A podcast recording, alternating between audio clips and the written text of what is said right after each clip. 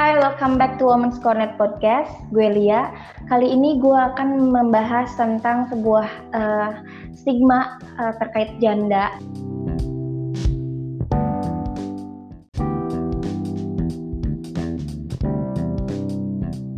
Untuk uh, detailnya gue akan ngobrol sama Teh Dede. Hai Teh Dede. Ya, uh, Hai, ya. mungkin bisa uh, diceritain dulu Teteh dari mana, terus uh, kesibukannya apa nih sekarang, dan mungkin mau sharing-sharing juga terkait pengalaman ketika menjadi single parent.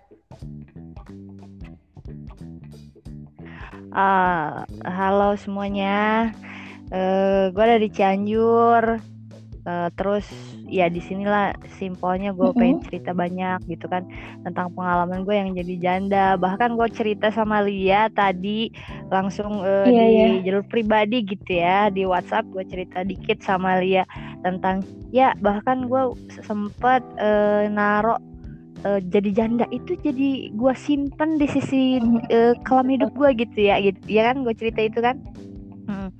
uh, jadi teman-teman it's not easy gitu yeah. Gak gampang jadi seorang janda itu apalagi stigma stigma masyarakat apa uh, image-nya image-nya kan uh, janda itu wah ya betul lakor wah janda itu uh, tukang tukang mm -hmm. ngerebut atau ngegodain laki mm -hmm. orang gitu kan ya Nih di sini aku tuh pengen nge-share gitu ke teman-teman semua tentang uh, sisi lain dari dari pengalaman mm -hmm. pribadi aku uh, yang yang yang notabene yeah. aku pernah jadi janda gitu ya. Alhamdulillah walaupun sekarang sekarang aku udah mm -hmm. udah married lagi, udah punya suami. Nah, uh, yeah. intinya aku udah bangkit lah gitu ya.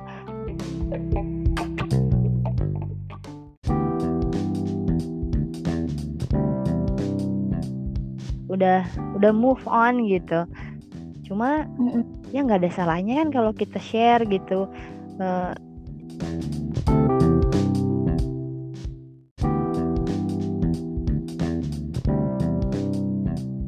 udah udah move on gitu cuma mm -mm. ya nggak ada salahnya kan kalau kita share gitu uh,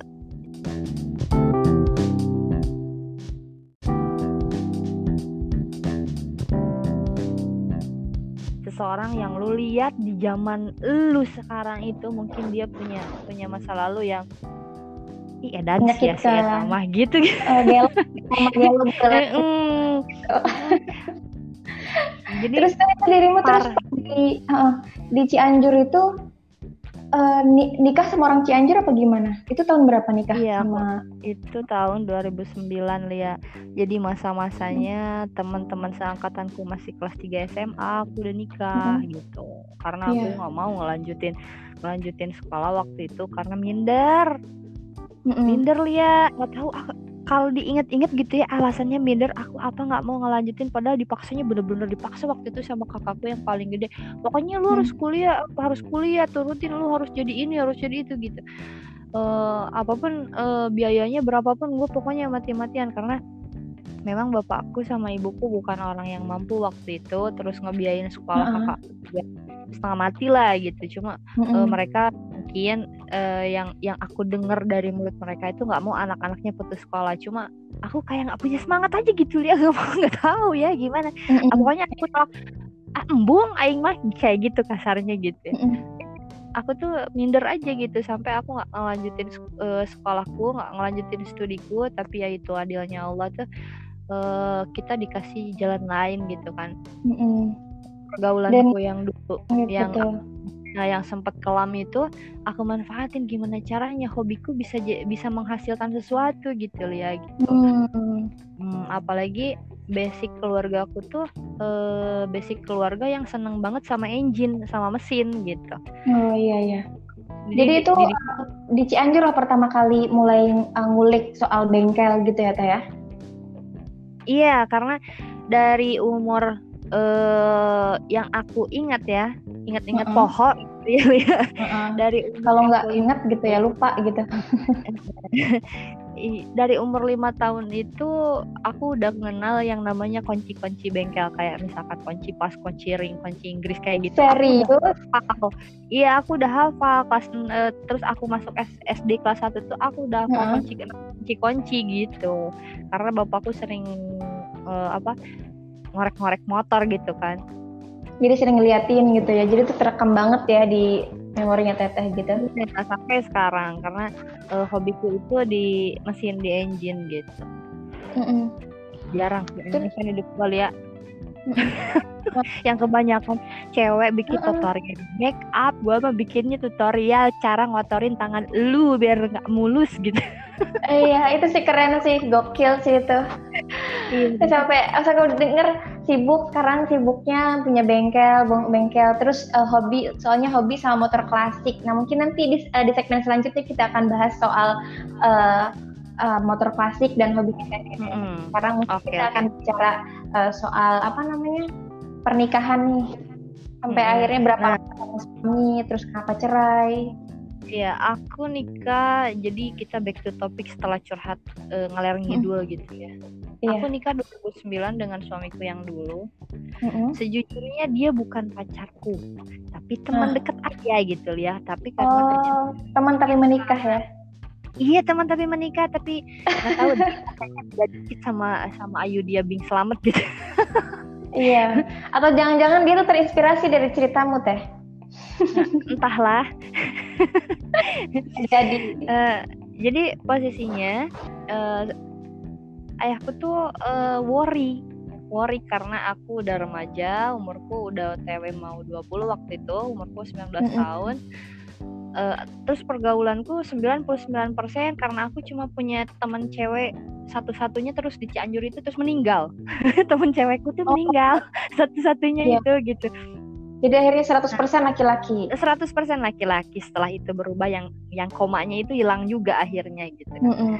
uh, nah, uh, orang tua aku worry karena pergaulanku kalau kalau misalkan gini, eh main yuk.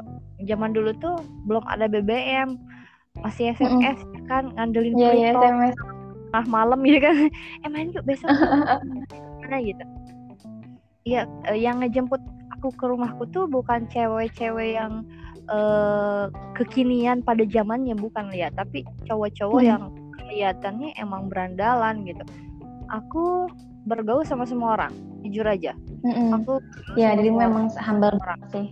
Mm aku main sama supir bus sama supir angkot sama calo sama semua orang yang uh, notabene di masyarakat mungkin uh, negatif ya Lia orang-orang yeah. kayak gitu uh, kriminal lah deket ke tukang mabuk-mabuk tukang ini itu hmm.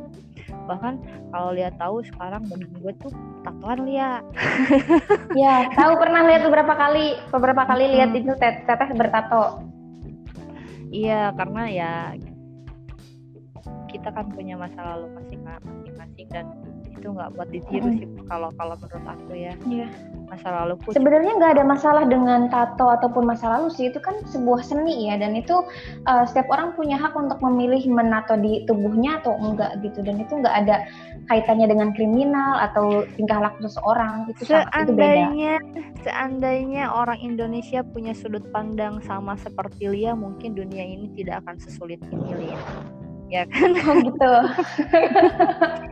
Ya ya ya. Ya kan jadi ceritanya uh, orang tua aku tuh worry ya worry karena uh, aku sering pulang malam. Tapi hmm, sama cowok lagi kan berandalan teman-temannya hmm. hmm, kayak berandalan kayak tatoan kayak uh, kelihatannya urakan lah gitu ya nah betul.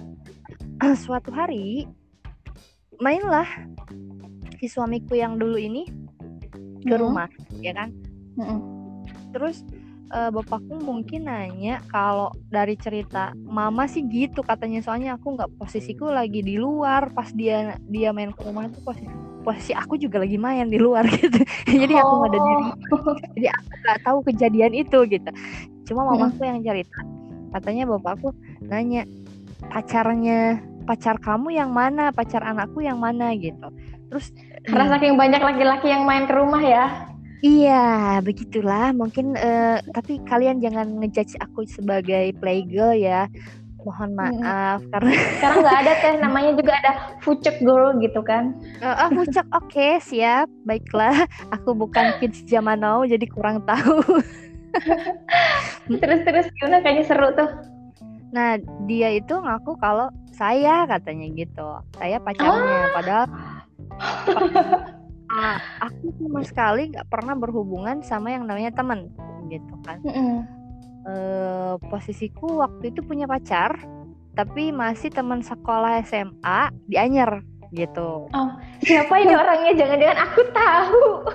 Enggak, pasti tahu. Jadi sebut saja namanya Mawar ya, Lia. Siapakah dia? Aku jadi kayak enggak, enggak, enggak, enggak, enggak. Enggak apa. Dan aku tahu orangnya. Gosip begitu enggak ah? Enggak, enggak. Jadi okay. kayak gini. ya udah. Ya udahlah, udahlah lucu-lucuan aja ya. Jadi mm -hmm. uh, dia itu pokoknya uh, kita kan punya komitmen nih pacaran. Pokoknya mm -hmm. sama lu, lu lu tunggu gua gua mau kuliah dulu dia bilang gitu kan. Mm -hmm. Udah gitu. Cuma pas posisinya pas aku pulang ke rumah kalau nggak salah itu jam 11 apa jam setengah 11 gitu. Mm -hmm. Kamu nikah ya kata apa itu? Kaget nggak tuh? Pingsan nggak teh pas diminta untuk nikah kayak gitu? Tiba-tiba datang nggak ada angin nggak ada hujan. Kamu nikah ya? itu perasaan gimana? kakak tanya kakak aku dulu karena uh, aku yakin uh, bapak sama mama pasti nggak uh, bakalan pernah uh, ngobrol tentang sesuatu hal hmm. tanpa ngomong ke kakakku yang paling besar. Nggak hmm, mungkin. ya. jadi aku, aku datang ke rumahnya karena posisi dia waktu itu udah menikah aku datang ke rumahnya terus aku tanya. Dia terus dia ngomong ke aku kalau bahasa Sundanya mah gue atau siapa ngawaro katanya. Gitu lah udah nurut aja by the way itu hah? Gimana liat ngawaro itu ngawaro itu apa? Nurut nurut. Maksudnya nurut. Oh Oh iya, soalnya Tuna Cianjur sama gitu. Agak ya, iya beda banget. Bukan kayaknya bukan agak lihat jauh banget. jauh banget tuh. jauh aing banget. Dia, jauh banget bahasanya. Iya, aing dia kalau di sini itu uh, abdi sarang anjen gitu. Uh -uh. Paling kasar siaknya. Uh, sia itu kayak buat ke uh, buat ke anjing gitu.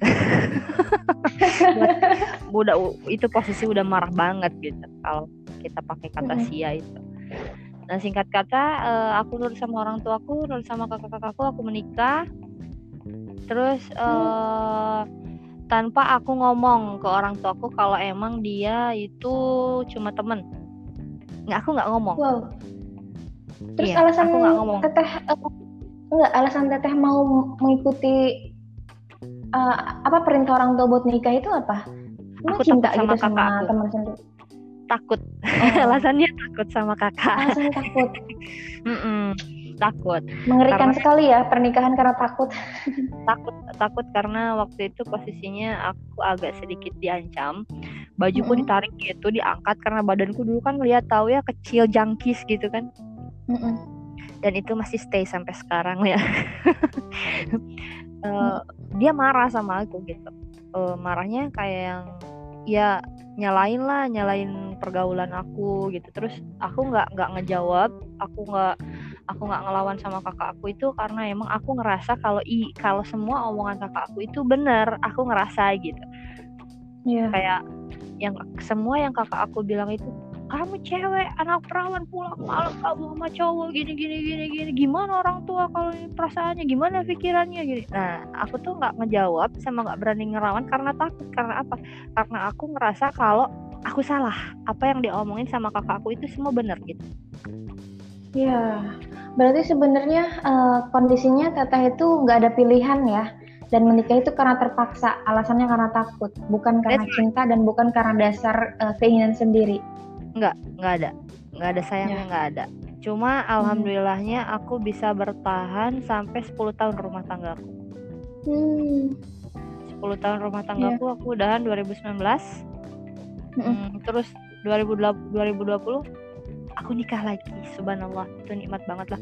Pokoknya Allah ngasih ngasih nikmat ke aku tuh uh, luar biasa lah Lia pokoknya.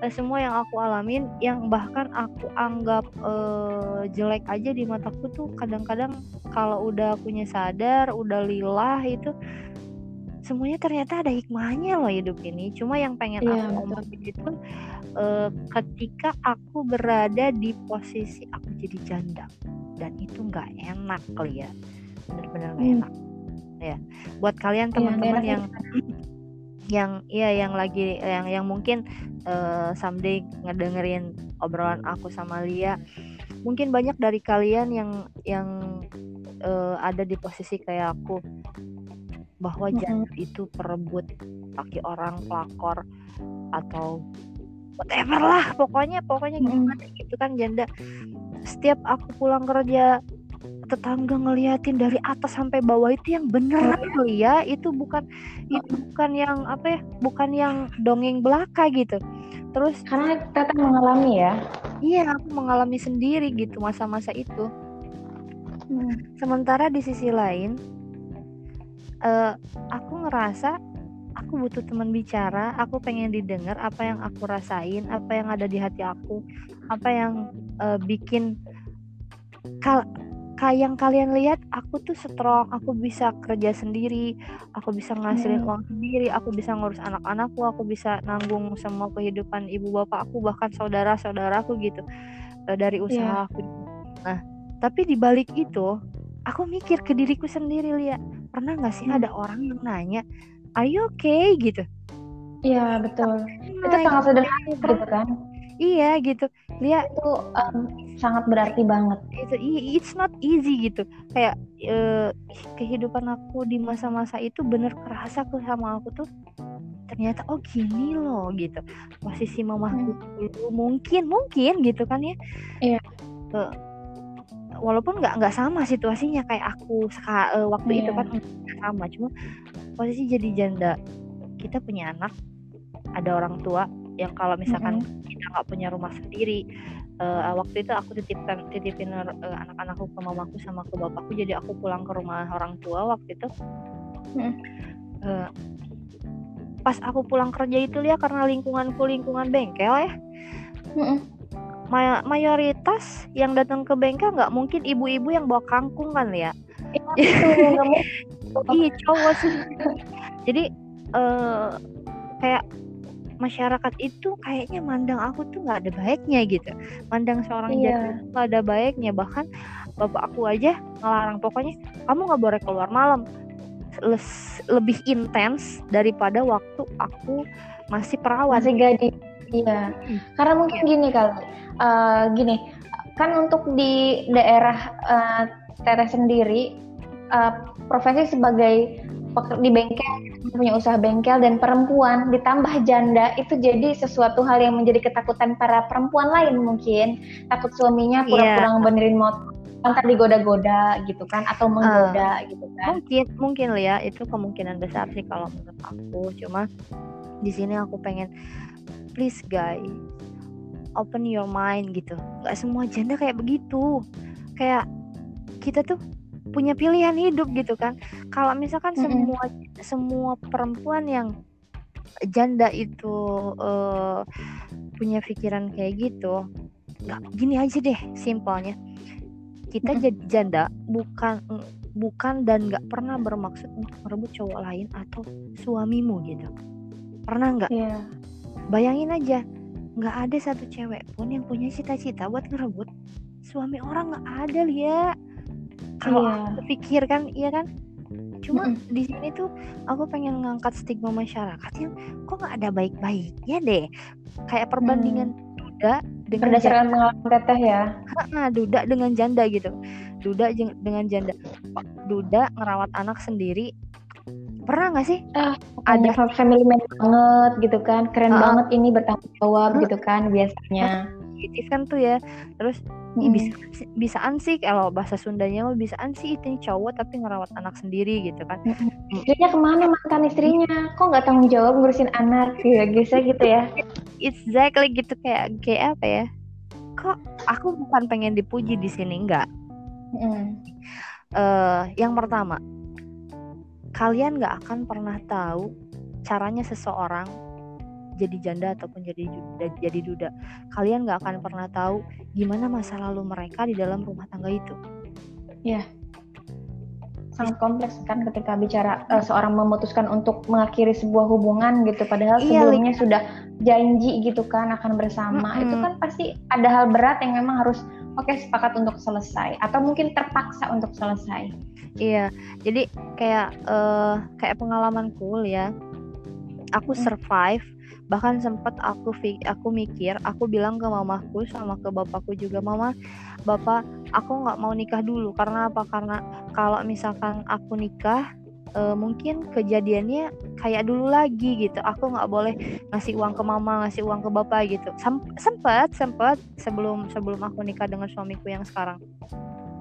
Nah mm -hmm. di sini parahnya gitu ya aku ulangi hmm. sekali hmm. lagi aku nggak pernah punya teman bicara seintens ini Lia gitu nggak pernah hmm. dari dulu serius serius it's true wow berat Bener banget, banget jadi seorang TDD ya kalau misalkan sebenarnya aku udah mulai terbiasa Lia cuma uh, aku mikir lagi ke diriku sendiri mungkin dua tiga apa empat hari yang lalu gitu hmm. uh, ngelihat teman-temanku kok kayak curhat gitu kan. Oh aku belum punya belum punya baju lebaran buat anak-anakku. Kok aku nggak pernah sih kayak begitu? Gitu. Iya, iya gitu. Iya Lia simpelnya gini aku tuh jarang curhat. Kalau nggak aku ngomong yang penting-penting aja ke mamaku atau ke bapakku gitu.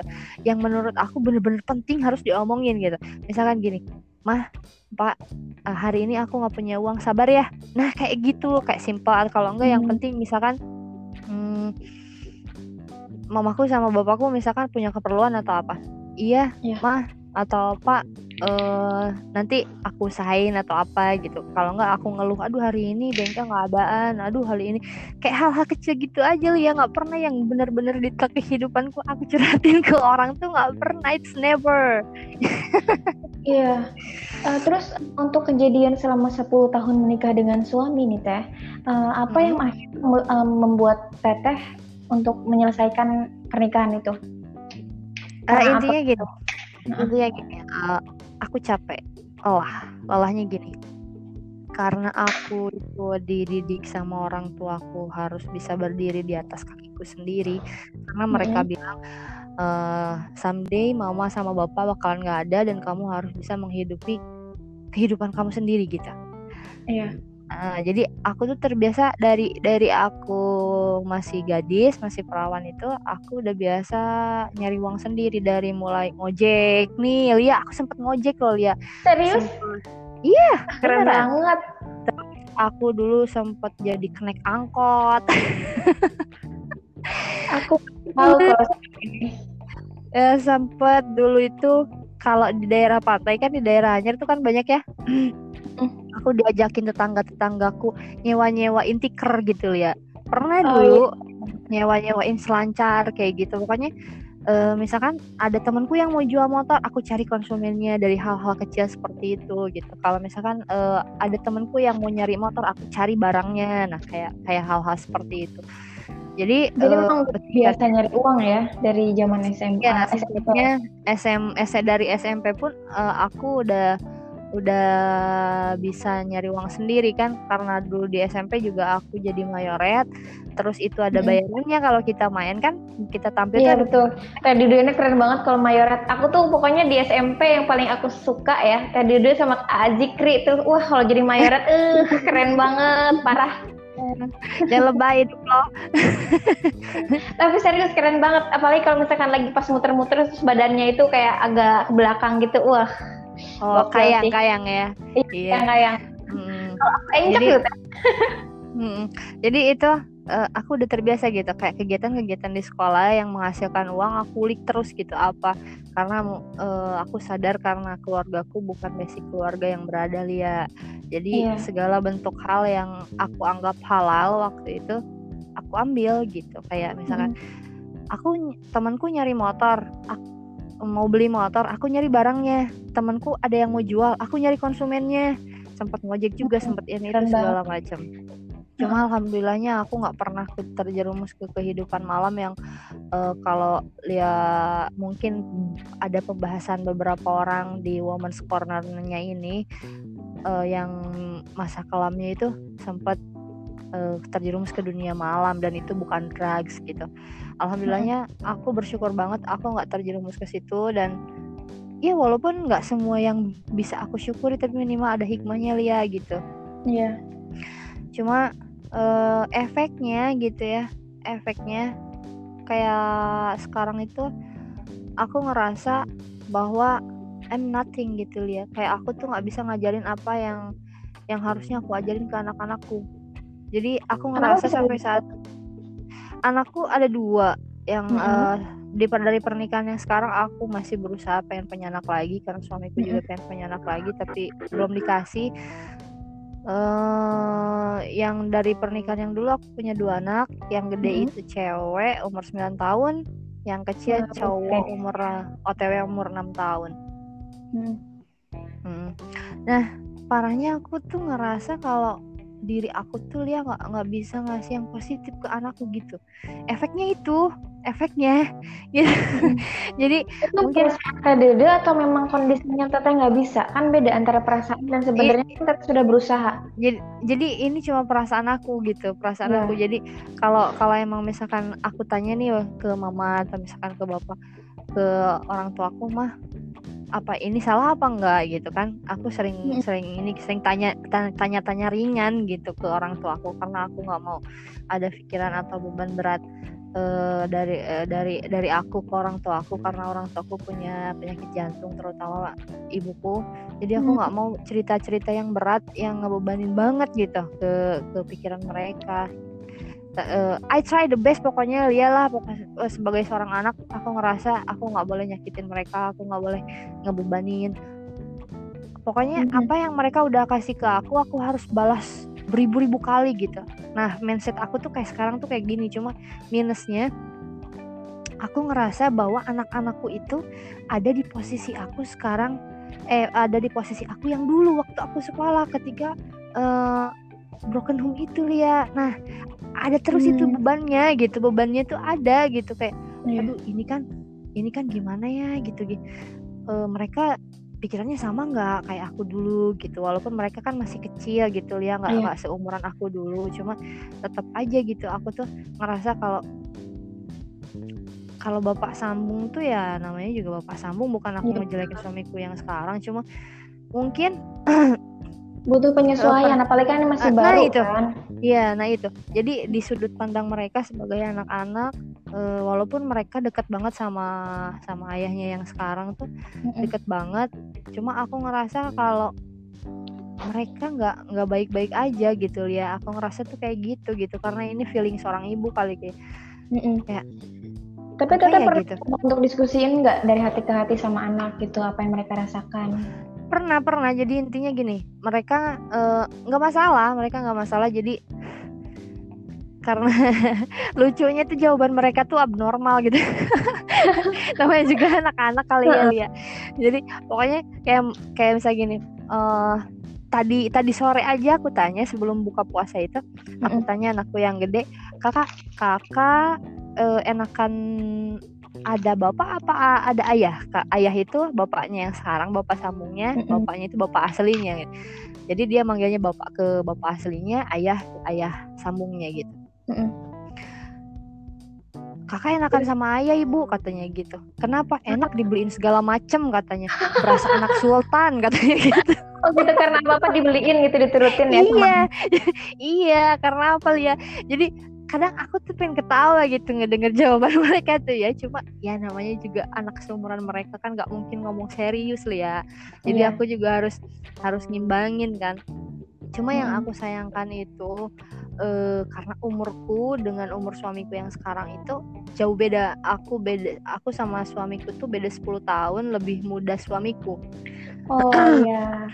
Sebenarnya sih usia nggak salah tapi kalau misalkan memang dia bisa mengimbangi cinta kan iya nggak usia iya lagi-lagi kan aku bilang seandainya manusia di alam semesta ini pola pikirnya seperti kamu kan enak ya Lia. Itu lo banyak kok Lia. Iya banyak kok. Jangan iya, khawatir ya, banyak kok. sayangnya di lingkungan aku itu uh, ada perspektif yang berbeda gitu dari apa dari rumah nggak tahu apa ya unsurnya kayaknya setiap setiap aku tuh disorot banget gitu ya di di yeah. lingkunganku tuh. Aku tuh cara artis sebenarnya disorot. Jadi disorot oh iya gitu. seleb. Mm -hmm, mungkin spanduk. minta tanda tangan bu. Jadi jangan khawatir.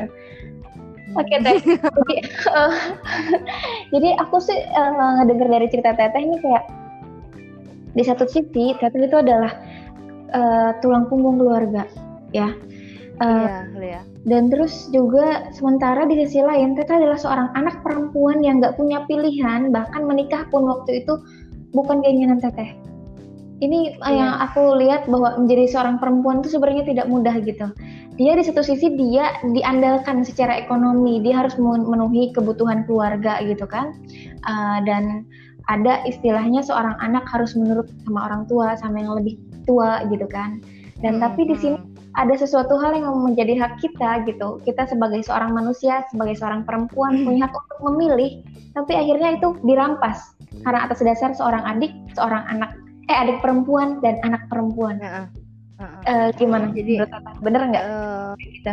bener banget lihat. Tapi uh, semua itu berbeda ketika aku ngeluarin opini aku, ngeluarin unek-unek aku sekarang.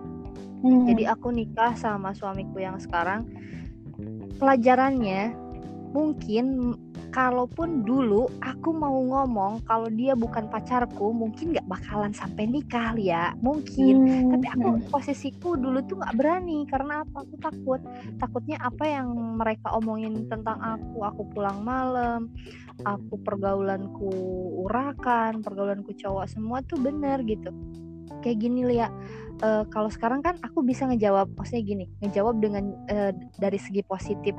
Dengan bahasa hmm. yang memang aku atur sesopan mungkin. Gimana caranya yeah. ngomong orang tua gimana cara ngomongnya ke kakakku gitu. Kayak lingkunganku emang begini gitu kan. Aku harus gimana? gitu kan. Kayak gitulah iya. hal-hal kecil seperti itu. Nah nah dulu itu uh, parahnya aku nggak bisa bahkan ngejawab pun untuk menjawab pun aku tuh nggak berani gitu ya. Karena aku ngerasa aku cewek satu-satunya di keluargaku dan uh, mereka orang tua gitu. Jangan iya, betul. jangan dibantah hmm, aku ngerasa seperti itu karena didikan keluargaku tuh keras banget ya. Nah yang aku mau angkat di sini gini. Amin. Kalau misalnya seseorang ya. jadi janda please gitu. Gak semua janda itu pelakor. Nggak semua janda itu negatif nggak. Walaupun kita nggak berkerudung kita nggak berhijab. Jujur ya aku belum berhijab. Ya. Karena tuntutan pekerjaanku kan uh, sampai saat ini masih masih di lingkungan yang keras gitu ya. Kalau yeah. berhijab tuh uh, beresiko lah intinya beresikonya uh, dari walaupun masih bisa sih kalau dipaksakan masih bisa cuma uh, untuk lingkungan kerja aku yang sekarang karena panas aku ngecor aku ngelas ini segala macam mm -hmm. gitu ya panas kan intinya nggak nyaman aku mm -hmm. maksakan lia butuh iya mm -hmm.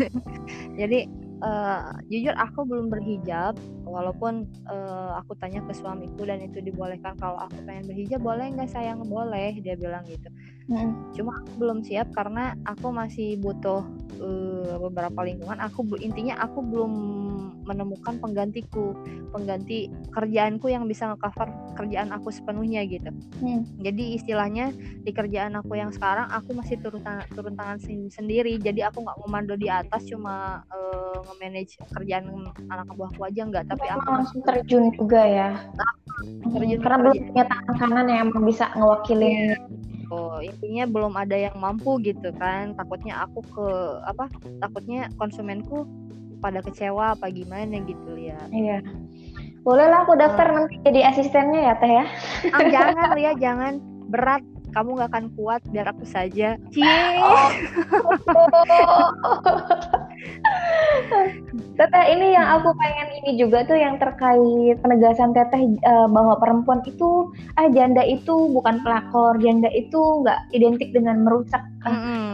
Pernah nggak sih ngalamin yang namanya di apa di apa di labrak sama orang gitu sama perempuan gitu terus kalau kalau kalau dilabrak sih enggak cuma ada beberapa istri dari temen deket aku yang tadinya baik-baik aja ketika aku punya suami terus pas aku cerai mereka jadi different different benar uh, jadi benar-benar beda beda aja gitu kayak kayak apa? Uh, wa wa aku wa, aku di blok uh, Facebook oh. di blok gitu kayak mungkin? Uh, uh, iya aku aku yakinin ini karena kesalahpahaman gitu dari status aku yang janda bahkan yeah. sampai sekarang uh, ada satu teman dekat aku yang partner bisnis aku juga uh, yeah. yang memang jadi jelek gitu jadi jeleknya karena statusku itu gitu walaupun sekarang sekarang aku udah nikah tapi tetap si istrinya ini nggak mau ngebuka blog WA nggak mau ngebuka blog Facebook sedangkan aku maupun suaminya itu butuh partner bisnis kayak biasa. Aku tahu dari teman-teman deketku yang lain kalau misalnya uh, si temenku yang ini itu nggak punya kerjaan sekarang gitu karena dia kan secara tidak langsung yang ngasih kerjaan aku lihat yeah. misalkan gini uh, tolong dong belanjain tolong dong cariin motor ini tolong dong uh, jualin gitu kan aku yang ngasih kerjaan nah sekarang itu sama sekali bahkan ada ada info yang mirisnya cuma gara-gara status aku dulu pernah janda hmm. uh, dan dia cemburu tanpa beralasan istrinya yeah. itu gitu sampai bilang e, apa gak punya kerjaan jadi tukang parkir aku tuh miris loh ya kenapa aku yeah. ngomong sama kamu gini? Kenapa separah ini? Kenapa janda itu harus dipermasalahkan gitu? Maksudnya mm -hmm what you thinking about gitu? Mm-hmm. apa sih yang salah ya gitu. Maksudnya aku yeah. jadi itu kan punya alasan pribadi. Pribadiku yeah. mungkin ada ada yang salah dengan rumah tanggaku dan aku nggak nyaman. Iya. Yeah. begitupun begitupun dari teman-teman yang lain. Aku yakin kalian di luar sana jadi janda ini nggak bener-bener kayak yang uh, harus kalian jalanin dan kalian nggak nyaman. Kalian harus keluar dari zona nyaman ya kan? Betul. Maksudnya, ada pepatah orang Sunda rumah tangga itu ibarat nanggung. Berat tunda ya hampang tulik mm. kayak gitu peribahasa Sunda gitu ya. Nah iya. Kalau bisa di bahasa Indonesiain kalau kalau berat taro kalau ya kan kalau berat taro iya kalau misalkan kalau ringan, ringan ya lanjut. terusin gitu. Uh, nah gitu. Dan aku termasuk yang rumah tangga rum, rumah tanggaku itu so heavy ya ini tuh berat mm. buat aku gitu. Aku menderita yeah. sendiri di sini dan lagi-lagi di women's corner ini aku bilangin jika ada di antara kalian yang kalian perempuan harus bekerja sementara laki-laki kalian diam di rumah. Ini nggak benar ini nggak benar kita uh -uh. punya hak sebagai perempuan kita itu dinafkahin kita disenengin. Kan kalau kita ngambil sudut pandang agama pun akan berbeda ceritanya ya kayak mm-hmm. perempuan itu kan uh, keluar rumah aja kalau nggak ada izin suaminya tuh nggak boleh. Sementara aku harus keluar rumah tiap hari. Aku harus nyari nafkah buat anak-anakku. Uh, mm-hmm. di samping itu suamiku nggak bekerja selama 9 tahun 10 tahun oh 9, 9 tahun pernikahan. 9 tahun pernikahanku jadi selama 10 tahun jadi kasarnya gini aku cuma dinafkahin satu tahun pertama aja mm-hmm. satu tahun pertama eh, pernikahanku aja setelahnya selama 9 tahun aku nyari nafkah sendiri iya dia nggak nggak menafkahi malah teteh iya. menafkahi suami iya, iya. sebenarnya sih urusan nafkah menafkahi ya uh, aku sih lebih melihat bahwa perempuan atau laki-laki bisa saling mungkin. Kalau misalkan ternyata laki-lakinya itu nggak mampu sepenuhnya mungkin perempuan bisa ngebantu. Tapi untuk beban ya mungkin nggak bisa sepenuhnya diserahkan ke perempuan ya teh ya. Laki-laki juga perlu uh, perlu support juga untuk kebutuhan gini. rumah banyak banyak perempuan-perempuan di luar sana yang bekerja uh, yang tujuannya ingin membantu suami. Banyak banyak. Kasus di lingkungan teman-temanku juga banyak. Teman-teman kerjaku juga banyak. Ceweknya atau perempuannya atau istrinya yang kerja hmm. karena ingin membantu gitu. Tapi kasus aku beda liat hmm. karena mungkin penghasilanku lebih gede dan dia nyaman dengan situasi dan kondisi itu gitu. Yeah. jadi aku aku bisa ngasilin uang sendiri dia tanpa harus capek seolah-olah beneran tuh sinetron tuh dunia terbalik tuh bener ya dan itu teteh mengalami selama 9 tahun kan? Iya benar, 9 tahun. Hmm. Jadi mungkin uh, dia yang diam di rumah, dia nyuci piring, dia nyuci baju gitu ya. Hmm. Uh, karena aku kerja dulu itu kebanyakan malam, uh, hmm. kebanyakan karena panas ya lihat posisinya. Aku berhadapan ter, eh, berhadapan langsung sama api sama lasan itu karena kalau yeah. siang tuh aku nggak kuat. Jujur badanku nggak kuat. Jadi aku kerja tuh malam gitu kak. Jadi kalau siang aku tidur. Iya, jadi begadang terus ya? Iya, begadang terus. Sampai kalau kalau dia mau video call sama aku pasti kantong mataku tuh udah kayak panda beneran. Bahkan mungkin lebih dari panda gitu. Yeah.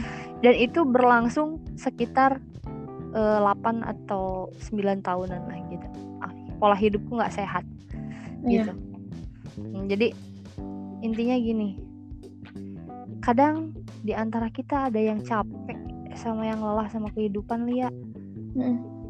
kalau aku harus jujur walaupun nggak semua aku bilang capek kehidupanku tapi yeah. aku aku capek sama lingkunganku yang monoton.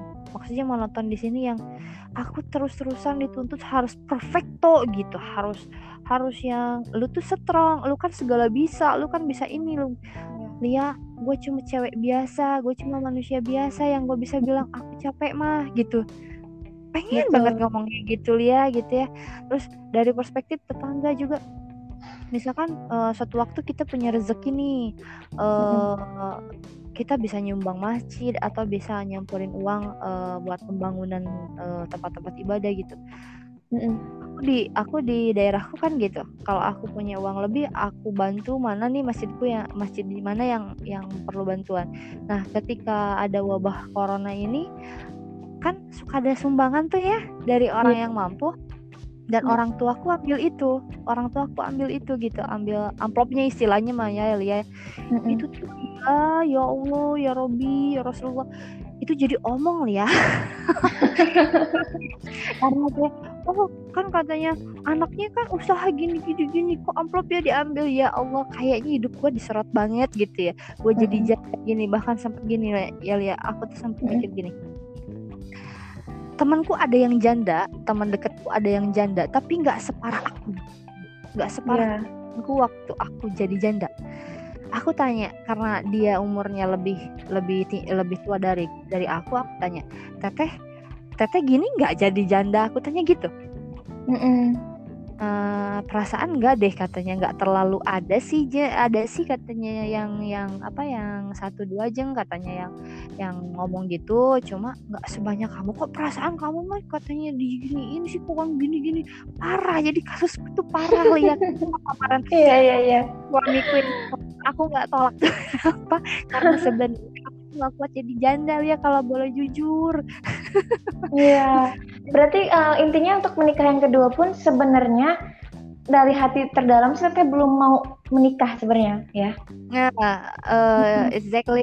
I'm not ready now. Jadi kalau misalkan uh. mah aku tuh belum siap gitu ya. Cuma yeah. Ya. uh, aku ngelihat uh, aku dari masyarakat ah, aku eh, minta untuk nikah karena kamu udah nggak iya. bagus nih tapi pandangnya kamu janda gitu ah. kan akhirnya ya tanpa melepaskan itu ya tanpa melepaskan itu ya jadi intinya hmm. tekanan itu masih ada nih di kepala aku yeah. cuma aku tanya bukan bukan otakku tapi hatiku aku aku suka aku suka nggak sama cowok ini gitu kan ada rasa nggak -hmm. jangan sampai ada pengalaman kayak kemarin-kemarin akunya nggak ada rasa kan -hmm. ya aku suka sama cowoknya dia mau bertanggung jawab sama anak-anakku dia sayang sama anak-anakku sayang juga sama orang tuaku why not gitu ya yeah. uh, bonus bonusnya gitu bonusnya oh gue bisa ngilangin stigma masyarakat yang jelek gitu iya yeah. uh, masih tetap gak bener sih niatnya cuma ya maksudnya mm -hmm. nggak suamiku alhamdulillah mengerti suami aku bicara hmm. sama dia aku ngomong sama dia sebenarnya sayang gini nih ini ya aku aku cerita gitu uh, cuma nggak semua ya nggak seperti aku cerita ke kamu. Iya. Uh, garis besarnya sih intinya mah dan dia mau mengerti mau sih alhamdulillah. Nggak mm -hmm. apa-apa katanya gitu. Uh, karena um, ya intinya gini lihat setiap orang hmm. punya kehidupannya masing-masing. Walaupun banyak janda di luar sana mungkin nggak bakal sama kayak aku. Ada juga yang enggak mungkin dipandang biasa-biasa aja yang dipandang baik-baik aja mungkin mungkin. Yeah. tapi uh, tolong kalaupun ada seseorang yang janda single parents dia harus kerja dia harus pulang malam menghidupi anaknya menghidupi keluarganya tolonglah kalian nggak tahu kan sebenarnya hidup mereka tuh kayak gimana gitu kalau iya. kata orang Sunda mah sedih mau diceritakan mah gitu kan hmm. tolonglah hmm. jangan disangka yang enggak enggak gitu kan iya Ibaratnya menanggung kondisi yang gagal menikah pun sudah sebuah apa uh, kondisi yang sangat menyakitkan gitu ditambah uh, lingkungan sekitar juga memandang kita sebagai sesuatu yang uh, apaan sih janda gitu ya.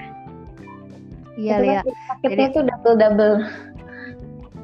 Iya kan apalagi lihat kalau misalnya banyak dari teman-teman kita yang tinggal-tinggal di daerah hmm. kayak aku aku tinggal di kota kecil jadi lingkung lingkunganku bisa dikatakan hmm. lingkungan netizennya itu agak keras hmm. karena apa budaya kita dengan budaya kota itu beda bedanya yeah. kalau di kota kita bisa bebas jadi diri kita sendiri nggak banyak orang yang apa sih lingkungan. Kadang-kadang kalau kita ada di lingkungan perumahan atau apa cenderung pada cuek kan ya kalau di uh, uh, kalau kita ada di daerah itu kita nggak bisa kayak begitu. Kita tuh harus bermasyarakat. Kayak misalnya kita jalan pulang kerja berangkat kerja atau apa kita lewat kerumunan orang kan kalau apaan itu okay.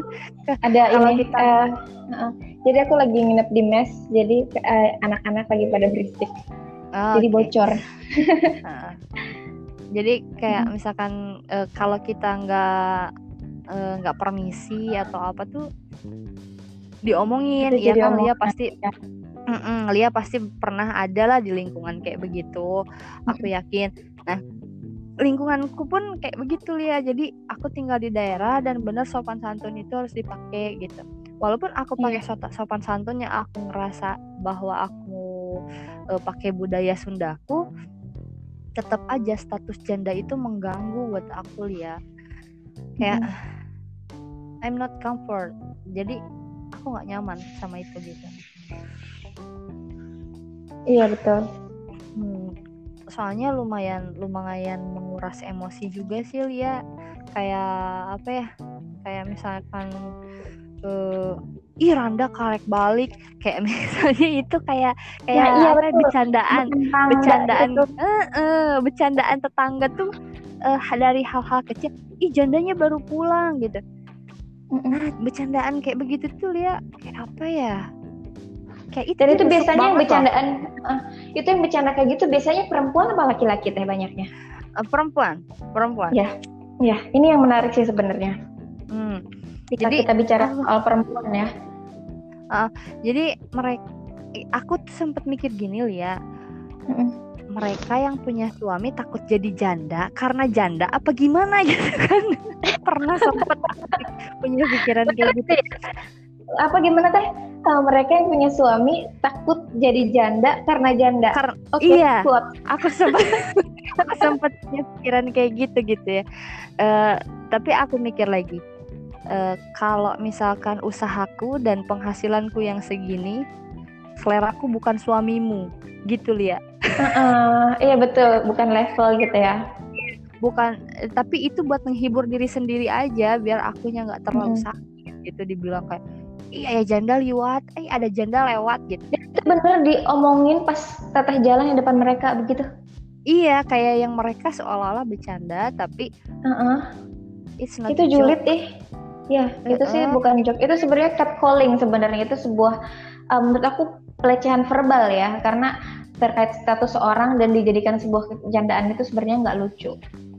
Iya, kayak uh, waktu itu aku ngerasa, ih kayaknya gue korban bullying deh dari status ya, gue gitu. Uh, waktu itu gitu ya, waktu itu hmm. cuman uh, teman-temanku di bengkel, anak buahku semua, teteh uh, kayak gini mereka ngomong, teteh ulah kan, jangankan jadi janda gitu kan, punya suami aja cewek yang masuk di lingkungan cowok mah salah katanya gitu jangan Betul. jangan uh, uh, jangan ngerasa teteh yang salah katanya kalau kalau teteh nyalain diri sendiri terus kita makan apa nah dari situ aku tuh kena motivasi mereka gitu iya hmm. ya kalau terpuruk kayak begini kasihan kan hmm. anak buahku juga kasihan uh, kasihan juga anak-anakku nanti makan apa gitu orang tuaku hmm. gimana gitu kan nah dari hmm. situlah ada anak buahku yang cablak banget yang apa yang mulutnya tuh nggak nggak ada saringannya nggak ada filternya gitu seolah-olah dia mah gelontor aja mu, uh, mulut kayak iya, iya, iya. kalau emang uh, semua janda kayak begitu nggak ada cewek yang yang bakalan bener kalau masuk ke lingkungan cowok gitu. Kalau teteh mm -hmm. mikirnya begitu terus, kita makan apa? Katanya teteh mau kita kelaparan kayak kayak hal-hal semacam itu gitu. Mm, tapi itu yang memicu kita ya. Oh ya udah kayak menampar gitu ya, ditampar bolak-balik. Oh, itu oh, iya. Itu ya, gitu. itu tamparan banget sih lihat, tamparan. Bahkan -hmm. aku aku mikirnya bukan bukan buat mereka aja gitu. Oh iya ya, anakku mau makan apa kalau aku nggak mm -hmm. kerja gini gitu kan. Sementara uh, saat ini kerjaanku yang menghasilkan uangnya lumayan itu ini yang mencukupi kebutuhanku, kebutuhan anak-anakku, kebutuhan keluargaku, orang tua, saudara itu. Jadi aku nanggung orang kedua orang tuaku, anak-anakku dan saudara aku, kakak aku yang paling gede aku tanggung. Hmm. Semuanya aku yang nanggung gitu. Dari kebutuhan yang emang wajib sampai keinginan mereka juga aku yang tanggung gitu. Iya. Nah dari situ uh, aku, itu teh hmm, uh, yang mem yang membuat teteh uh, tetap menanggung mereka gitu kan. Sementara kan kalau ini uh, teteh juga punya uh, kehidupan dan kebutuhan yang lain gitu. Alasannya karena apa teh? Karena aku merasa aku bukan siapa-siapa tanpa mereka lihat. Tapi teteh pernah nggak sih diskusiin sama mereka juga apa yang teteh butuhkan gitu ke, ke kakak atau mungkin ke ke mama ke bapak gitu? nggak pernah aku nggak pernah hmm. ngomong apa pun ke mereka keluhanku kesakitanku aku capek aku lelah itu aku nggak pernah ngomong sama mereka jadi aku ya seperti yang aku bilang sebelumnya aku cuma ngomong sama mereka ketika aku uh, di dalam hal-hal ringan aja. Mama uh, ajeng belum karena panggilan di, di karena namaku aku biasa dipanggil ajeng di rumah. Mama ajeng nggak nggak dapet uang mah hari ini kayak gitu. Mama sabar ya. Kayak hal-hal ringan aja. Kalau misalnya ini mah aja tidur dulu ya capek. Nanti berangkat lagi ke bengkel kayak hal-hal begitu misalkan. Yeah. Hmm, enggak sih enggak yang apalagi curhat soal asmara gitu ya Lia kayaknya gue nggak pernah deh ngelakuin hal kayak begitu gitu enggak yeah. deh enggak enggak tapi aku, mungkin ada satu hal yang kali teh. Aku sih nggak bermaksud untuk uh, apa namanya uh, menghakimi atau apa. Mungkin ini pandangan baru ya, uh, pandangan yang mungkin bisa uh, teteh lihat sebagai sesuatu hal yang baru kayak uh, sejauh ini kan teteh nggak pernah diskusiin tuh sama keluarga, sama mama, sama bapak hmm. atau hmm. apa yang teteh katakan gitu. Uh, aku pernah ada di posisi itu juga. Tapi pada akhirnya aku pikir gimana mereka bisa tahu, uh, gimana mereka bisa ngerti sama kondisi aku. Sementara aku pun nggak cerita awalnya aku mikir bahwa orang sekitarku nggak paham aku gitu. Ternyata yang menjadi kondisinya itu adalah aku sendiri yang ngekip masalah aku. Mereka nggak tahu gitu. Bukan nggak mau tahu cuman bingung gimana ngelihat karena melihat itu uh, teteh sebagai orang yang kuat tangguh gitu. Kayak nggak pernah ngeluh nggak ini. Jadi butuh nggak ya dia sama gue gitu. Gitu. Mungkin ya itu sudut pandang orang-orang sekitar teteh. Dia butuh nggak ya cerita sama gue? Gue dia baik-baik aja gitu nah mungkin hmm. kalau memang teteh merasa itu mungkin coba untuk kayak uh, berbicara bahwa teteh adalah manusia gitu yang punya masalah yang kadang perlu nangis gitu yang kadang perlu dipeluk sama mama sama bapak atau sama kakak gitu. Yang memang ada waktunya ngeluh nggak selalu cuman bicara soal kerjaan nggak dapat uang gitu. Kayak itu sih. Uh, gini ya jadi dulu itu aku pernah sekali ngomong tentang ketidaknyamanan aku berumah tangga dengan suamiku yang dulu. Hmm. uh, Nah, dan itu berimbas sampai bapakku uh, ada satu penyakit dan itu harus diangkat, harus dioperasi. Uh, itu jadi akut banget dan mamaku tiba-tiba serangan jantung di mana posisi itu aku harus jual rumah, jual mobil, jual beberapa aset aku gitu kan untuk ngobatin kedua-duanya Lia. Nah, dari sana tuh aku ada ketraumaan mungkin aku sadari yeah. itu. Jadi aku nggak mau ngelukain mereka karena luka aku. Ngerti nggak mm -hmm. Lia? Kayak Iya, paham, paham it's mine gitu ini hmm. ini luka aku biar aku aja gitu aku nggak mau uh, ngelukain orang-orang sekitarku gitu kayak setiap aku ngomong setiap jadi aku tuh kalau cerita itu tuh sakitnya gimana gitu ya ya kayak hmm. aku nggak tega lihat mamaku di UGD di infus pakai oksigen harus uh, transfusi darah gimana susahnya aku nyari golongan darah mamaku kan iya yeah. gitu. terus uh, apalagi dari segi finansial gitu kan Lia untuk bangkit mm. dari keterpurukan itu you know it's not easy jadi mm -hmm. uh, apalagi di tengah di tengah keadaan yang seperti ini gitu kan. Nah dari mm. sana ada ada beberapa titik di mana aku kapok buat ngomong gitu. Ya sampai ngekip semuanya ya. Sampai terakhir itu aku ngomong yang bener-bener bikin mama aku sakit bener-bener drop sakit uh, dan itu harus di, dibawa ke UGD sampai mamaku dua minggu di rumah sakit itu. Terakhir aku cerai sama suamiku lihat oh itu yang terakhir kali dan itu makanya teteh enggak lagi mau cerita ataupun nggak. berusaha untuk ya ya jadi uh, setiap aku ngomong hal-hal yang yang nggak yang apa yang nggak mau mereka dengar yang yang bikin mereka sakit jadi aku nggak mau luka aku jadi luka mereka gitu ya yang jadi intinya gini kalau aku ngomong tentang kepesakitan aku ke mamaku ke bapakku itu itu akan berimbas ke, ke kesehatannya juga Lia.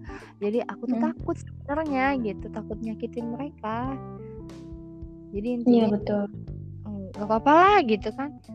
Cuma alhamdulillahnya sekarang suamiku yang sekarang itu dia selalu mau ngedenger apa keluhan aku. Bahkan dia tanya hmm. aku mungkin dia dia ngaku nggak ngomong pun dia tanya kamu kenapa sih? Apa yang kamu pikirin? Apa yang kamu uh, rasain? Gitu dan wow. aku ngerasa wah ini nih nikmat banget sih beda banget sama kehidupanku yang dulu gitu kan ya makanya aku mau ngomong ke kamu itu karena kamu ngomong dong kalau ada apa-apa tuh ngomong nggak boleh dipendam sendiri itu suamiku yang sekarang tuh kayak gitu gitu yeah. aku iya. pengen tahu kamu ngerasain apa kok kamu cemberut gitu kayak gitu kok hmm. kamu diem terus kayak gitu jadi mungkin uh, mindset aku sedikit demi sedikit itu dirubah sama suamiku yang sekarang karena yeah. uh, uh, dia benar-benar mengayomi aku walaupun umurnya jauh di bawah aku. Uh, dia benar-benar yang bikin aku pengen pengen tetap nyaman deket sama dia itu dia dia punya cara sendiri gitu. Intinya gini dia tahu uh, ekspresi mukaku kalau aku lagi rungsing kalau aku lagi, lagi gitu, ya? gitu kalau aku lagi drop kalau aku lagi tertekan dia tahu ekspresi ekspresi mukaku kayak gimana pasti dia tanya gitu cerita dong kayak ada apa sih di kerjaan ada apa gitu pasti hmm. kan uh, dia tanyanya di kerjaan dulu gitu maksudnya ada apa di di tempat kerja? Ada apa? Karena dia juga kerja nggak nggak pantau aku sepenuhnya di tempat kerja aku. Karena kita eh, aku kerja suamiku juga kerja jadi pas malam kita ketemu itu bener-bener yang kita ngobrol nggak kayak dulu ya kamu ngapain aja seharian tadi gitu. Kayak kayak hal-hal seperti itu aja gitu. Pokoknya aku ngerasa kalau aku sekarang punya seseorang gitu ya dan aku, teman bicara ya. Uh, pillow talk gitu sebelum tidur kayak ngobrol-ngobrol. Dan uh, itu yang dibutuhkan ya ketika kita lelah seharian kerja terus pulang iya, ke rumah ada teman untuk ngobrol gitu Iya kayak kayak yang aku tahu dia capek dengan kerjaannya tapi dia mau pijitin aku. Mana yang pegal? Kaki kamu pegal sini aku pijitin gitu. Terus kita Tasir sekali. Itu alhamdulillah banget sih Lia ya. Anugerah banget. Maksudnya gitu uh, aku ngerasa kalau kalau aku tuh uh, ngerasa, ngerasa I I feel aku ngerasa disayangin aja gitu Lia. Aku ngerasa di diayomin hmm. aku ngerasa dimanja gitu. Nah bahkan uh, salah satu motivasi aku mau ngomong ke Lia tentang uh, tema ini atau topik ini tentang dulu aku jadi janda kayak gimana salah satunya inspirasi aku tuh dia gitu.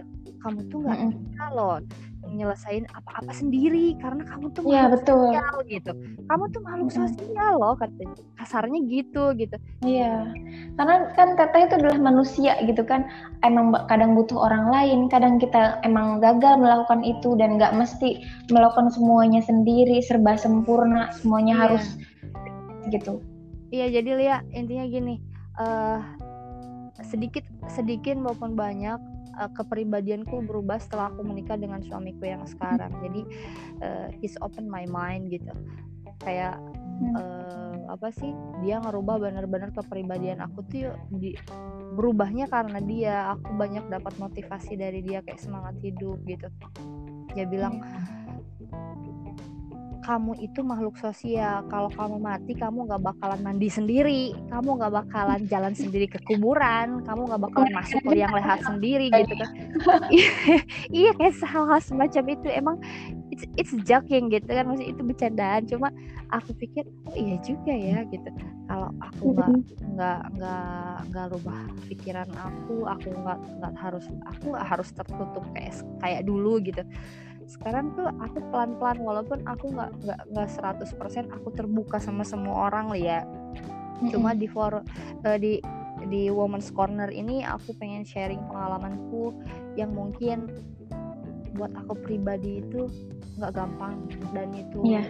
sulit banget tuh ya menghadapi beberapa situasi yang memang kita harus survive sendiri. Bener-bener aku mecahin masalahku sendiri walaupun kadang nggak semua masalahku aku pecahin pakai hal-hal positif nggak semua. Dan aku nggak yeah. munafik ya. Kadang aku drunk kadang-kadang aku uh, berantem sama orang kadang-kadang aku masuk arena balapan gitu. Cuma sekedar yeah. buat melampiasin emosi aku kesalahan aku gitu. Tapi sekarang semuanya ber, semuanya beda ya kayak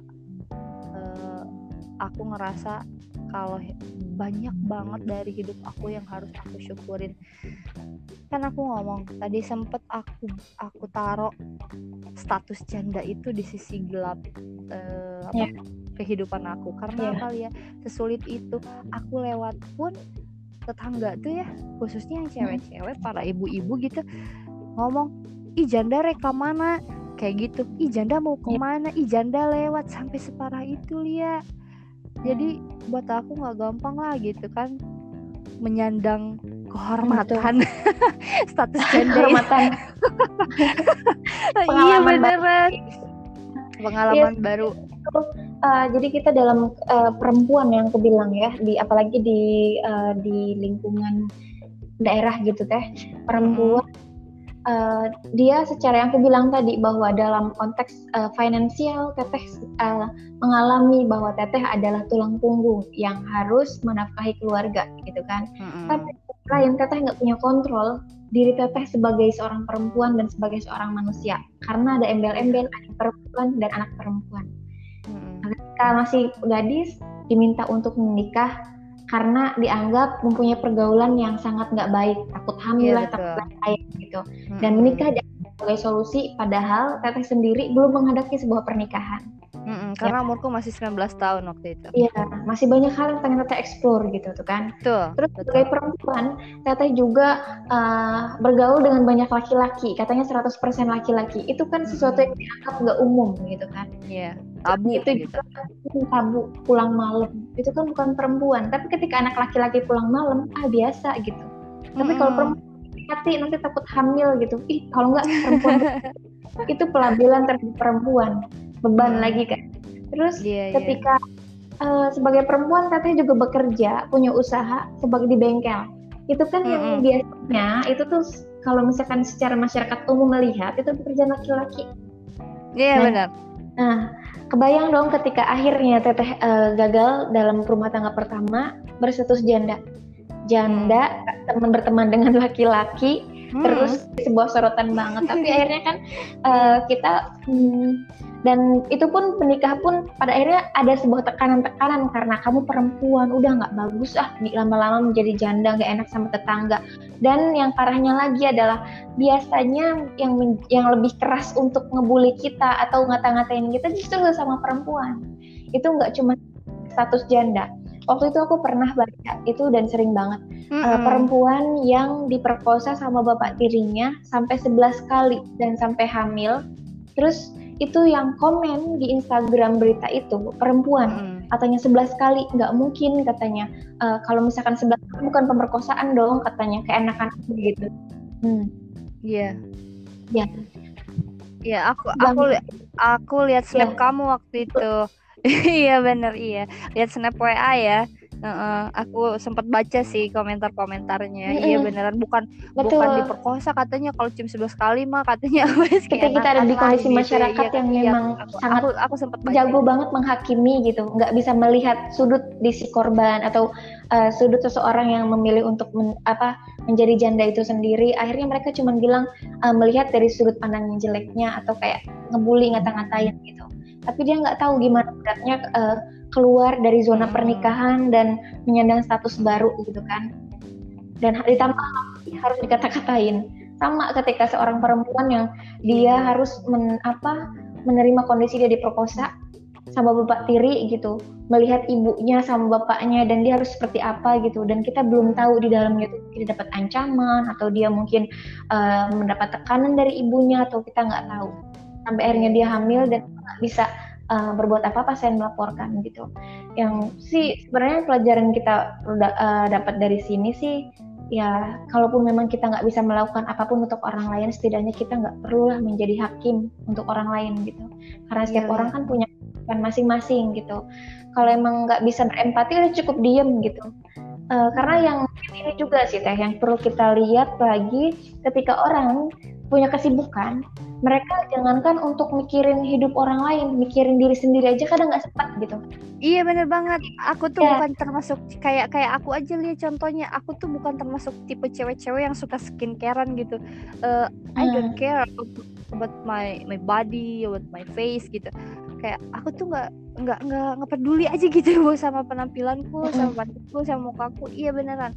Kadang kita uh, untuk melakukan sesuatu hal kita mengorbankan hal yang emang penting banget gitu yang yang emang cewek lain itu anggap itu sebagai aset gitu ya sedangkan aku bukan bukan salah satu cewek yang mementingkan penampilanku wajahku gitu kulitku rambut segala macam. Bener banget ya kadang-kadang kita nggak peduli sama diri kita diri kita sendiri untuk hanya untuk sekedar menyenangkan orang lain itu aku sadar banget ya itu aku banget beneran apa yang mm -hmm. kamu tadi itu aku ngerasa itu aku banget gitu mm -hmm.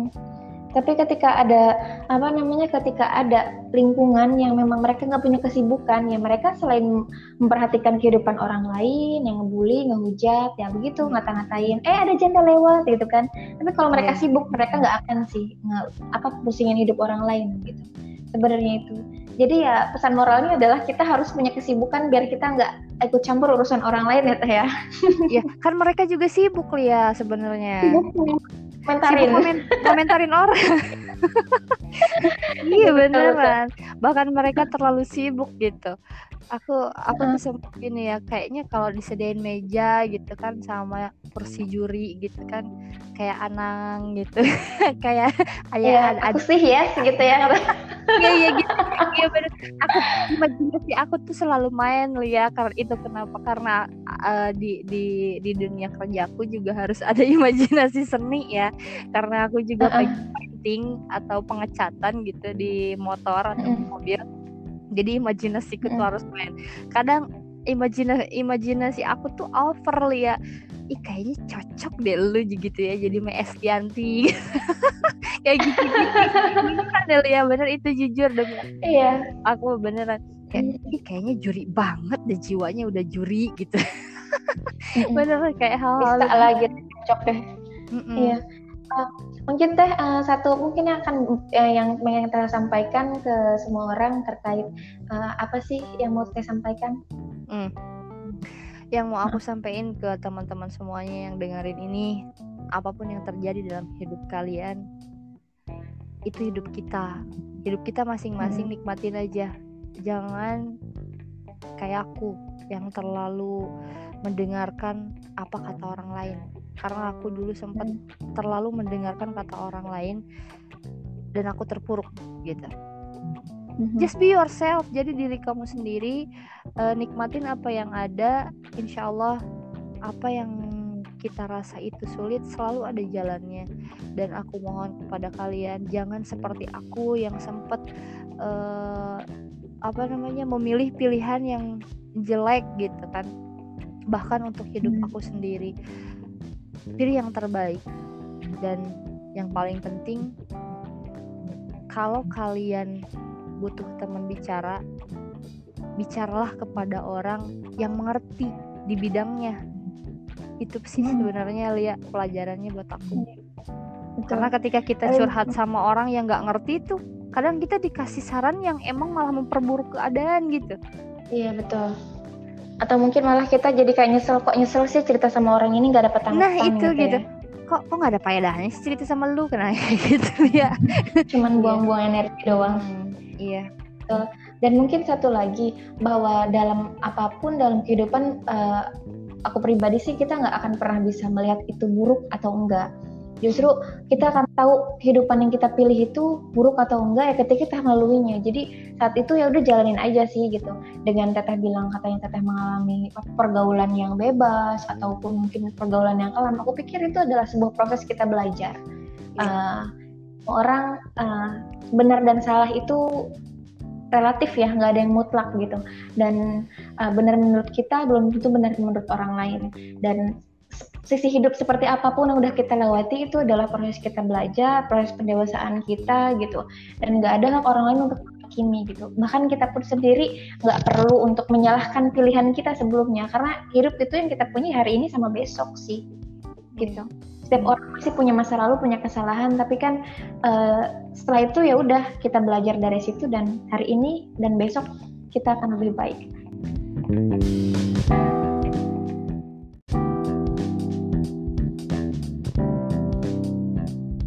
ih ngomongnya kayak Mario Teguh Enggak, aku pun jadi kayak punya dari ini ya Lia kayak misalkan dari pelajaran hidupku yang kemarin jadi janda itu aku pernah baca bukunya Vidi Baik gitu ya Ayah Pidi Baik, aku pernah baca, aku adalah hujan. Kalau kamu nggak suka, silahkan neduh. Nah, jadi intinya, ah, eh, udah we, udah we gitu. aku pernah baca satu buku, bukunya uh, Ayah Pidi Baik. Di sana tertulis kayak aku adalah hujan. Kalau kamu nggak suka, silahkan neduh. Kalau lu emang nggak suka sama gue ya, ya udah gitu kan. Ngapain lu capek-capek ngurusin gue kayak gitu. jadi yeah, sekarang betul. tuh uh, hidup aku alhamdulillahnya karena sedikit ataupun banyak aku dapat motivasi dari suamiku yang sekarang. Dan aku juga udah move on dari kesakitanku dari keterpurukan aku ya subhanallah alhamdulillah ya. Uh, terus uh, dari beberapa mah sekarang kita udah satu jam satu setengah jam kita ngobrol. Dan dari yeah. hanya beberapa detik aku baca w, uh, snap WA kamu, status WA kamu, and it's make langsung eksekusi ya. Iya, yeah, different gitu kan ngobrolan linknya di WA, ya kamu bikin women's corner emang iya ya kayak gini. Terus oke okay, aku gabung gitu. Aku pengen cerita, pengen share ini ngerubah hidup aku banget ya. Seenggaknya ada peran uh. yang uh, make me uh, apa ya kayak aku tuh uh, ngerasa bebas plong aja gitu ya jadi aku ngerasa yeah. kalau I'm not alone Ya betul. Dan memang nggak sendiri teh. Banyak orang di sana juga yang mengalami atau mungkin kondisinya juga yang mungkin tetap aja ya. Yang teteh bilang tadi eh, pas uh, aku kalau nggak salah dengar tadi teteh nanya sama tetangga teteh atau teman teteh yang dia juga uh, janda tapi kok nggak kayak aku aku banget. Mm-hmm. itu mungkin karena dia uh, jandanya yang uh, dianggap normal di lingkungan teteh. Dia perempuan mungkin dia dia nggak kerja dia nggak gitu. kerja di bengkel dia ah, nggak bergaul sama laki-laki gitu kan. Iya, dia nggak iya, pulang malam. Betul. Gitu. Sementara teteh menjadi sorotan adalah teteh adalah seorang perempuan janda uh, kerja di bengkel temennya laki-laki pulang malam. Udah di kampung lagi tinggalnya. Selesai. Yeah. itu sih tapi nggak bisa digeneralisir kan ini uh, memang uh, pengalaman yang teteh alamin gitu. Nggak semua kampung juga seperti itu. Tapi memang ini lingkungan teteh seperti yeah, itu dan ya yeah. dan intinya aku Terus sadar kita, gitu. Sadar lingkungan aku gimana gitu. Jadi lihat intinya aku sadar aku siapa dan aku sadar kehidupanku kayak gimana gitu. Aku nggak bisa nyalahin mereka 100% intinya karena memang lingkungan aku sedikit tabu gitu kan untuk iya. lingkungan daerahku. Iya. Di daerah aku. Pilihan yang teteh ambil itu memang tabu uh, gitu. Kayak kayak semuanya yang aku lakuin tuh salah gitu pas status aku janda itu. Sampai aku kepe, aku sempat bikin status di WA terus aku kudu piye gitu. Itu kayak kayak it's just a joke gitu. Kayak apa ya? Kayak bercandaan aja gitu. Cuma di ya. sini aku cuma pengen sharing ke kalian teman-teman semuanya yang mungkin di antara kalian ada yang posisinya kayak aku atau statusnya uh, sekarang lagi janda gitu. Jangan pernah patah semangat kalaupun misalkan kalian harus menghidupi anak-anak kalian Su mantan suami kalian gak bertanggung jawab. Teman-teman Allah itu maha kaya gitu. Jadi segala sesuatunya kita udah udah ada rizkinya udah ada uh, porsinya tinggal kita mau berusaha aja gitu. Cuma aku mohon uh, apa pun yang aku bicarain di sini sama Lia tolong ambil segi positifnya aja. Kalau misalkan banyak banget dari obrolan ini yang negatif mohon maaf. Karena itu pengalaman hidup pengalaman hidup aku itu sisi kelam hidupku dan aku menyadari itu salah. Dan aku mohon sama kalian teman-teman yang dengerin ini just be yourself and trust you are. Jadi percaya aja siapa kamu gitu. Turutin apa hati kamu gitu. Jangan pernah menjadi seseorang yang dan kamu jadi munafik karena menuruti apa kemauan orang lain. Gitu ya hikmahnya buat hmm. aku. Iya jadi intinya kan kita sebagai orang yang memang uh, independen gitu kita punya hak untuk menentukan pilihan tanpa harus uh, memikirkan embel-embel siapa kita gitu That's karena right. pada dasarnya kita bahagia atau enggak itu hidup kita dan jangan sampai orang lain mengintervensi pilihan kita hmm. itu yang perlu kita iya. perjuangkan yeah.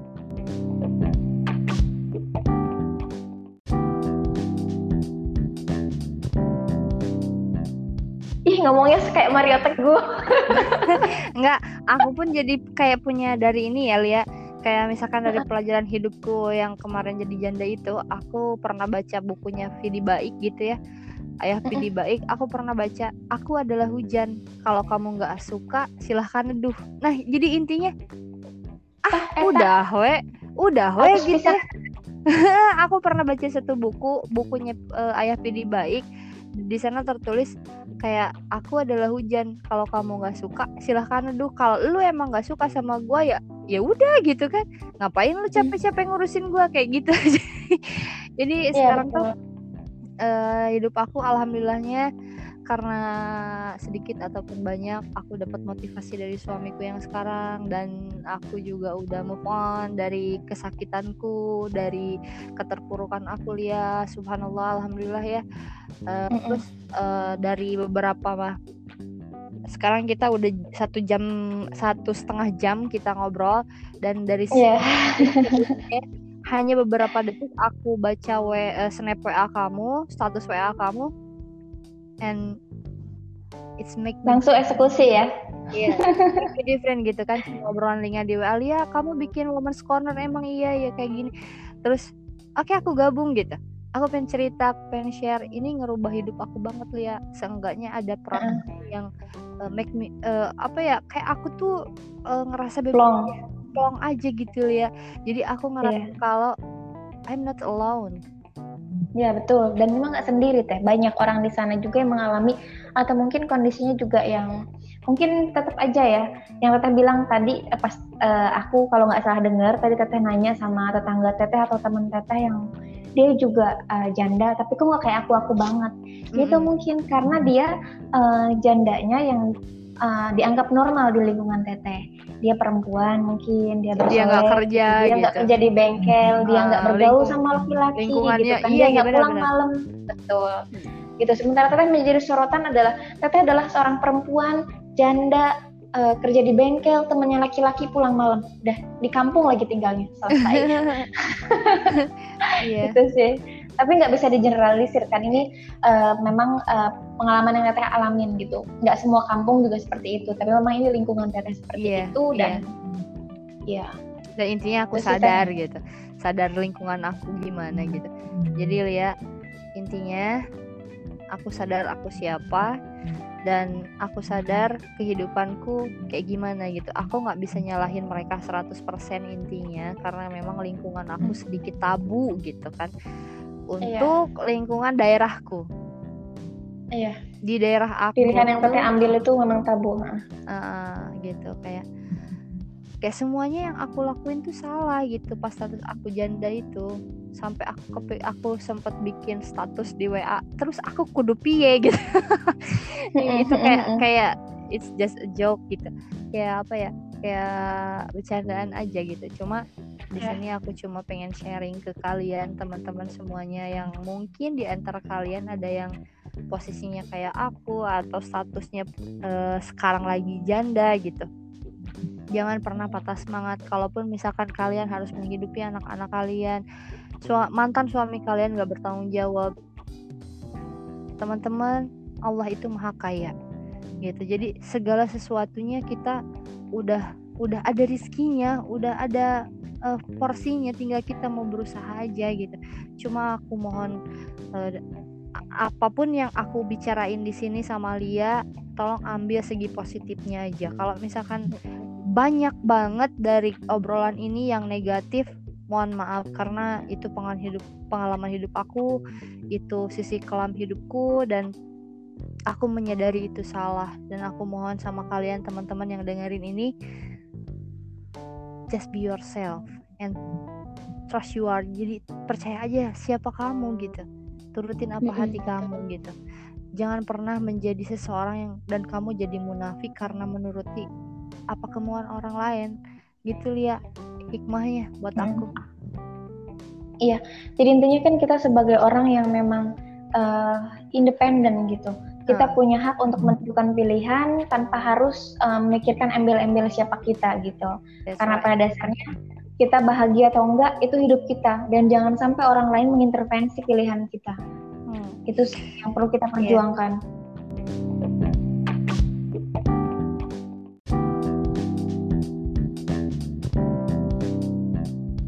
Ngomongnya kayak Mario Teguh. Enggak, aku pun jadi kayak punya dari ini ya Lia. Kayak misalkan dari pelajaran hidupku yang kemarin jadi janda itu, aku pernah baca bukunya Vidi Baik gitu ya. Ayah Vidi Baik, aku pernah baca, aku adalah hujan. Kalau kamu nggak suka, silahkan neduh. Nah, jadi intinya, ah, ah udah we, udah we gitu. aku pernah baca satu buku, bukunya uh, Ayah Vidi Baik di sana tertulis kayak aku adalah hujan kalau kamu nggak suka silahkan neduh kalau lu emang nggak suka sama gue ya ya udah gitu kan. Ngapain lu capek-capek ngurusin gue kayak gitu. Jadi ya, sekarang betul. tuh uh, hidup aku alhamdulillahnya karena sedikit ataupun banyak aku dapat motivasi dari suamiku yang sekarang dan aku juga udah move on dari kesakitanku dari keterpurukan aku ya subhanallah alhamdulillah ya uh, mm -mm. terus uh, dari beberapa mah sekarang kita udah satu jam satu setengah jam kita ngobrol dan dari yeah. hanya beberapa detik aku baca w, uh, snap wa kamu status wa kamu and it's make langsung eksekusi ya? Iya, yeah, different gitu kan obrolan linknya di WA ya kamu bikin women's corner emang iya ya kayak gini. Terus oke okay, aku gabung gitu. Aku pengen cerita pengen share. Ini ngerubah hidup aku banget ya seenggaknya ada peran uh. yang uh, make me uh, apa ya kayak aku tuh uh, ngerasa bebas plong. aja gitu ya jadi aku ngerasa yeah. kalau I'm not alone Ya betul. Dan memang nggak sendiri teh. Banyak orang di sana juga yang mengalami atau mungkin kondisinya juga yang mungkin tetap aja ya. Yang teteh bilang tadi eh, pas uh, aku kalau nggak salah dengar tadi teteh nanya sama tetangga teteh atau teman teteh yang dia juga uh, janda tapi kok nggak kayak aku aku banget. Mm -hmm. itu mungkin karena dia uh, jandanya yang uh, dianggap normal di lingkungan teteh. Dia perempuan mungkin dia dia nggak kerja, dia nggak gitu. kerja di bengkel, uh, dia nggak bergaul sama laki-laki gitu kan, iya, dia nggak iya, pulang malam, betul. Gitu. Sementara teteh menjadi sorotan adalah teteh adalah seorang perempuan janda uh, kerja di bengkel, temennya laki-laki pulang malam, udah di kampung lagi tinggalnya selesai. yeah. Gitu sih tapi nggak bisa digeneralisir kan ini uh, memang uh, pengalaman yang teteh alamin gitu. Nggak semua kampung juga seperti itu. Tapi memang ini lingkungan teteh seperti yeah, itu dan ya yeah. dan intinya aku Terus sadar kita, gitu. Sadar lingkungan aku gimana gitu. Jadi lihat intinya aku sadar aku siapa dan aku sadar kehidupanku kayak gimana gitu. Aku nggak bisa nyalahin mereka 100% intinya karena memang lingkungan aku sedikit tabu gitu kan. Iya. Untuk iya. lingkungan daerahku. Iya. Di daerah aku. Pilihan yang teteh ambil itu memang tabu. Uh, gitu kayak kayak semuanya yang aku lakuin tuh salah gitu pas status aku janda itu sampai aku kepe, aku sempat bikin status di WA terus aku kudu piye gitu itu kayak kayak it's just a joke gitu kayak apa ya kayak bercandaan aja gitu cuma di iya. sini aku cuma pengen sharing ke kalian teman-teman semuanya yang mungkin di antara kalian ada yang posisinya kayak aku atau statusnya uh, sekarang lagi janda gitu. Jangan pernah patah semangat kalaupun misalkan kalian harus menghidupi anak-anak kalian Su mantan suami kalian gak bertanggung jawab. Teman-teman Allah itu maha kaya gitu. Jadi segala sesuatunya kita udah udah ada rizkinya udah ada uh, porsinya tinggal kita mau berusaha aja gitu. Cuma aku mohon uh, apa pun yang aku bicarain di sini sama Lia tolong ambil segi positifnya aja. Kalau misalkan banyak banget dari obrolan ini yang negatif mohon maaf. Karena itu pengalaman hidup pengalaman hidup aku itu sisi kelam hidupku dan aku menyadari itu salah. Dan aku mohon sama kalian teman-teman yang dengerin ini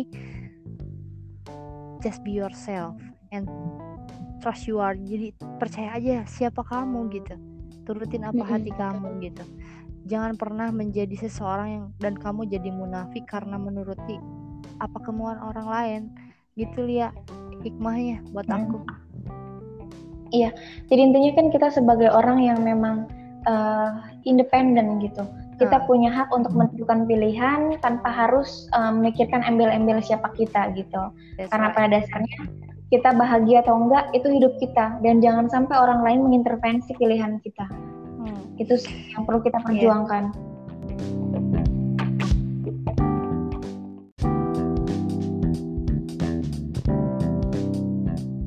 Ih ngomongnya kayak Mario Teguh. Enggak, aku pun jadi kayak punya dari ini ya Lia kayak misalkan dari pelajaran hidupku yang kemarin jadi janda itu aku pernah baca bukunya Vidi Baik gitu ya. Ayah Vidi Baik aku pernah baca aku adalah hujan. Kalau kamu nggak suka silahkan neduh. Nah jadi intinya ah udah we. Udah we gitu ya. aku pernah baca satu buku bukunya uh, ayah Vidi Baik di sana tertulis kayak aku adalah hujan kalau kamu nggak suka silahkan neduh kalau lu emang nggak suka sama gue ya ya udah gitu kan. Ngapain lu capek-capek ngurusin gue kayak gitu. Jadi ya, sekarang betul. tuh uh, hidup aku alhamdulillahnya karena sedikit ataupun banyak aku dapat motivasi dari suamiku yang sekarang dan aku juga udah move on dari kesakitanku dari keterpurukan aku ya subhanallah alhamdulillah ya uh, mm -mm. terus uh, dari beberapa mah sekarang kita udah satu jam satu setengah jam kita ngobrol dan dari yeah. hanya beberapa detik aku baca w, uh, snap wa kamu status wa kamu and it's make langsung eksekusi ya? Iya, yeah, different gitu kan ngobrolan linknya di WA ya kamu bikin women's corner emang iya ya kayak gini. Terus oke okay, aku gabung gitu. Aku pengen cerita pengen share. Ini ngerubah hidup aku banget ya seenggaknya ada peran uh. yang uh, make me uh, apa ya kayak aku tuh uh, ngerasa bebas plong. aja gitu ya jadi aku ngerasa yeah. kalau I'm not alone Ya betul. Dan memang nggak sendiri teh. Banyak orang di sana juga yang mengalami atau mungkin kondisinya juga yang mungkin tetap aja ya. Yang teteh bilang tadi eh, pas uh, aku kalau nggak salah dengar tadi teteh nanya sama tetangga teteh atau teman teteh yang dia juga uh, janda tapi kok nggak kayak aku aku banget. Mm-hmm. itu mungkin karena dia uh, jandanya yang uh, dianggap normal di lingkungan teteh. Dia perempuan mungkin dia dia nggak kerja dia nggak gitu. kerja di bengkel hmm. dia nggak bergaul sama laki-laki gitu kan. Iya, dia nggak iya, pulang malam. Betul. Gitu. Sementara teteh menjadi sorotan adalah teteh adalah seorang perempuan janda uh, kerja di bengkel temennya laki-laki pulang malam. Udah di kampung lagi tinggalnya. Selesai. Yeah. gitu sih tapi nggak bisa digeneralisir kan ini uh, memang uh, pengalaman yang teteh alamin gitu. Nggak semua kampung juga seperti itu. Tapi memang ini lingkungan teteh seperti yeah, itu dan ya yeah. dan intinya aku Terus sadar kita, gitu. Sadar lingkungan aku gimana gitu. Jadi lihat intinya aku sadar aku siapa dan aku sadar kehidupanku kayak gimana gitu. Aku nggak bisa nyalahin mereka 100% intinya karena memang lingkungan aku sedikit tabu gitu kan untuk iya. lingkungan daerahku. Iya. Di daerah aku. Pilihan yang teteh ambil itu memang tabu uh, gitu. Kayak kayak semuanya yang aku lakuin tuh salah gitu pas status aku janda itu. Sampai aku kepe, aku sempat bikin status di WA terus aku kudu piye gitu. Itu kayak kayak it's just a joke gitu. Kayak apa ya? Kayak bercandaan aja gitu. Cuma di ya. sini aku cuma pengen sharing ke kalian teman-teman semuanya yang mungkin di antara kalian ada yang posisinya kayak aku atau statusnya uh, sekarang lagi janda gitu. Jangan pernah patah semangat kalaupun misalkan kalian harus menghidupi anak-anak kalian Su mantan suami kalian gak bertanggung jawab. Teman-teman Allah itu maha kaya gitu. Jadi segala sesuatunya kita udah udah ada rizkinya udah ada uh, porsinya tinggal kita mau berusaha aja gitu. Cuma aku mohon uh, apa pun yang aku bicarain di sini sama Lia tolong ambil segi positifnya aja. Kalau misalkan banyak banget dari obrolan ini yang negatif mohon maaf. Karena itu pengalaman hidup pengalaman hidup aku itu sisi kelam hidupku dan aku menyadari itu salah. Dan aku mohon sama kalian teman-teman yang dengerin ini just be yourself and trust you are. Jadi percaya aja siapa kamu gitu. Turutin apa hati kamu gitu. Jangan pernah menjadi seseorang yang dan kamu jadi munafik karena menuruti apa kemauan orang lain. Gitu ya hikmahnya buat hmm. aku. Iya jadi intinya kan kita sebagai orang yang memang uh, independen gitu kita punya hak untuk menentukan pilihan tanpa harus uh, memikirkan embel-embel siapa kita gitu That's karena right. pada dasarnya kita bahagia atau enggak itu hidup kita dan jangan sampai orang lain mengintervensi pilihan kita hmm. itu yang perlu kita iya. perjuangkan yeah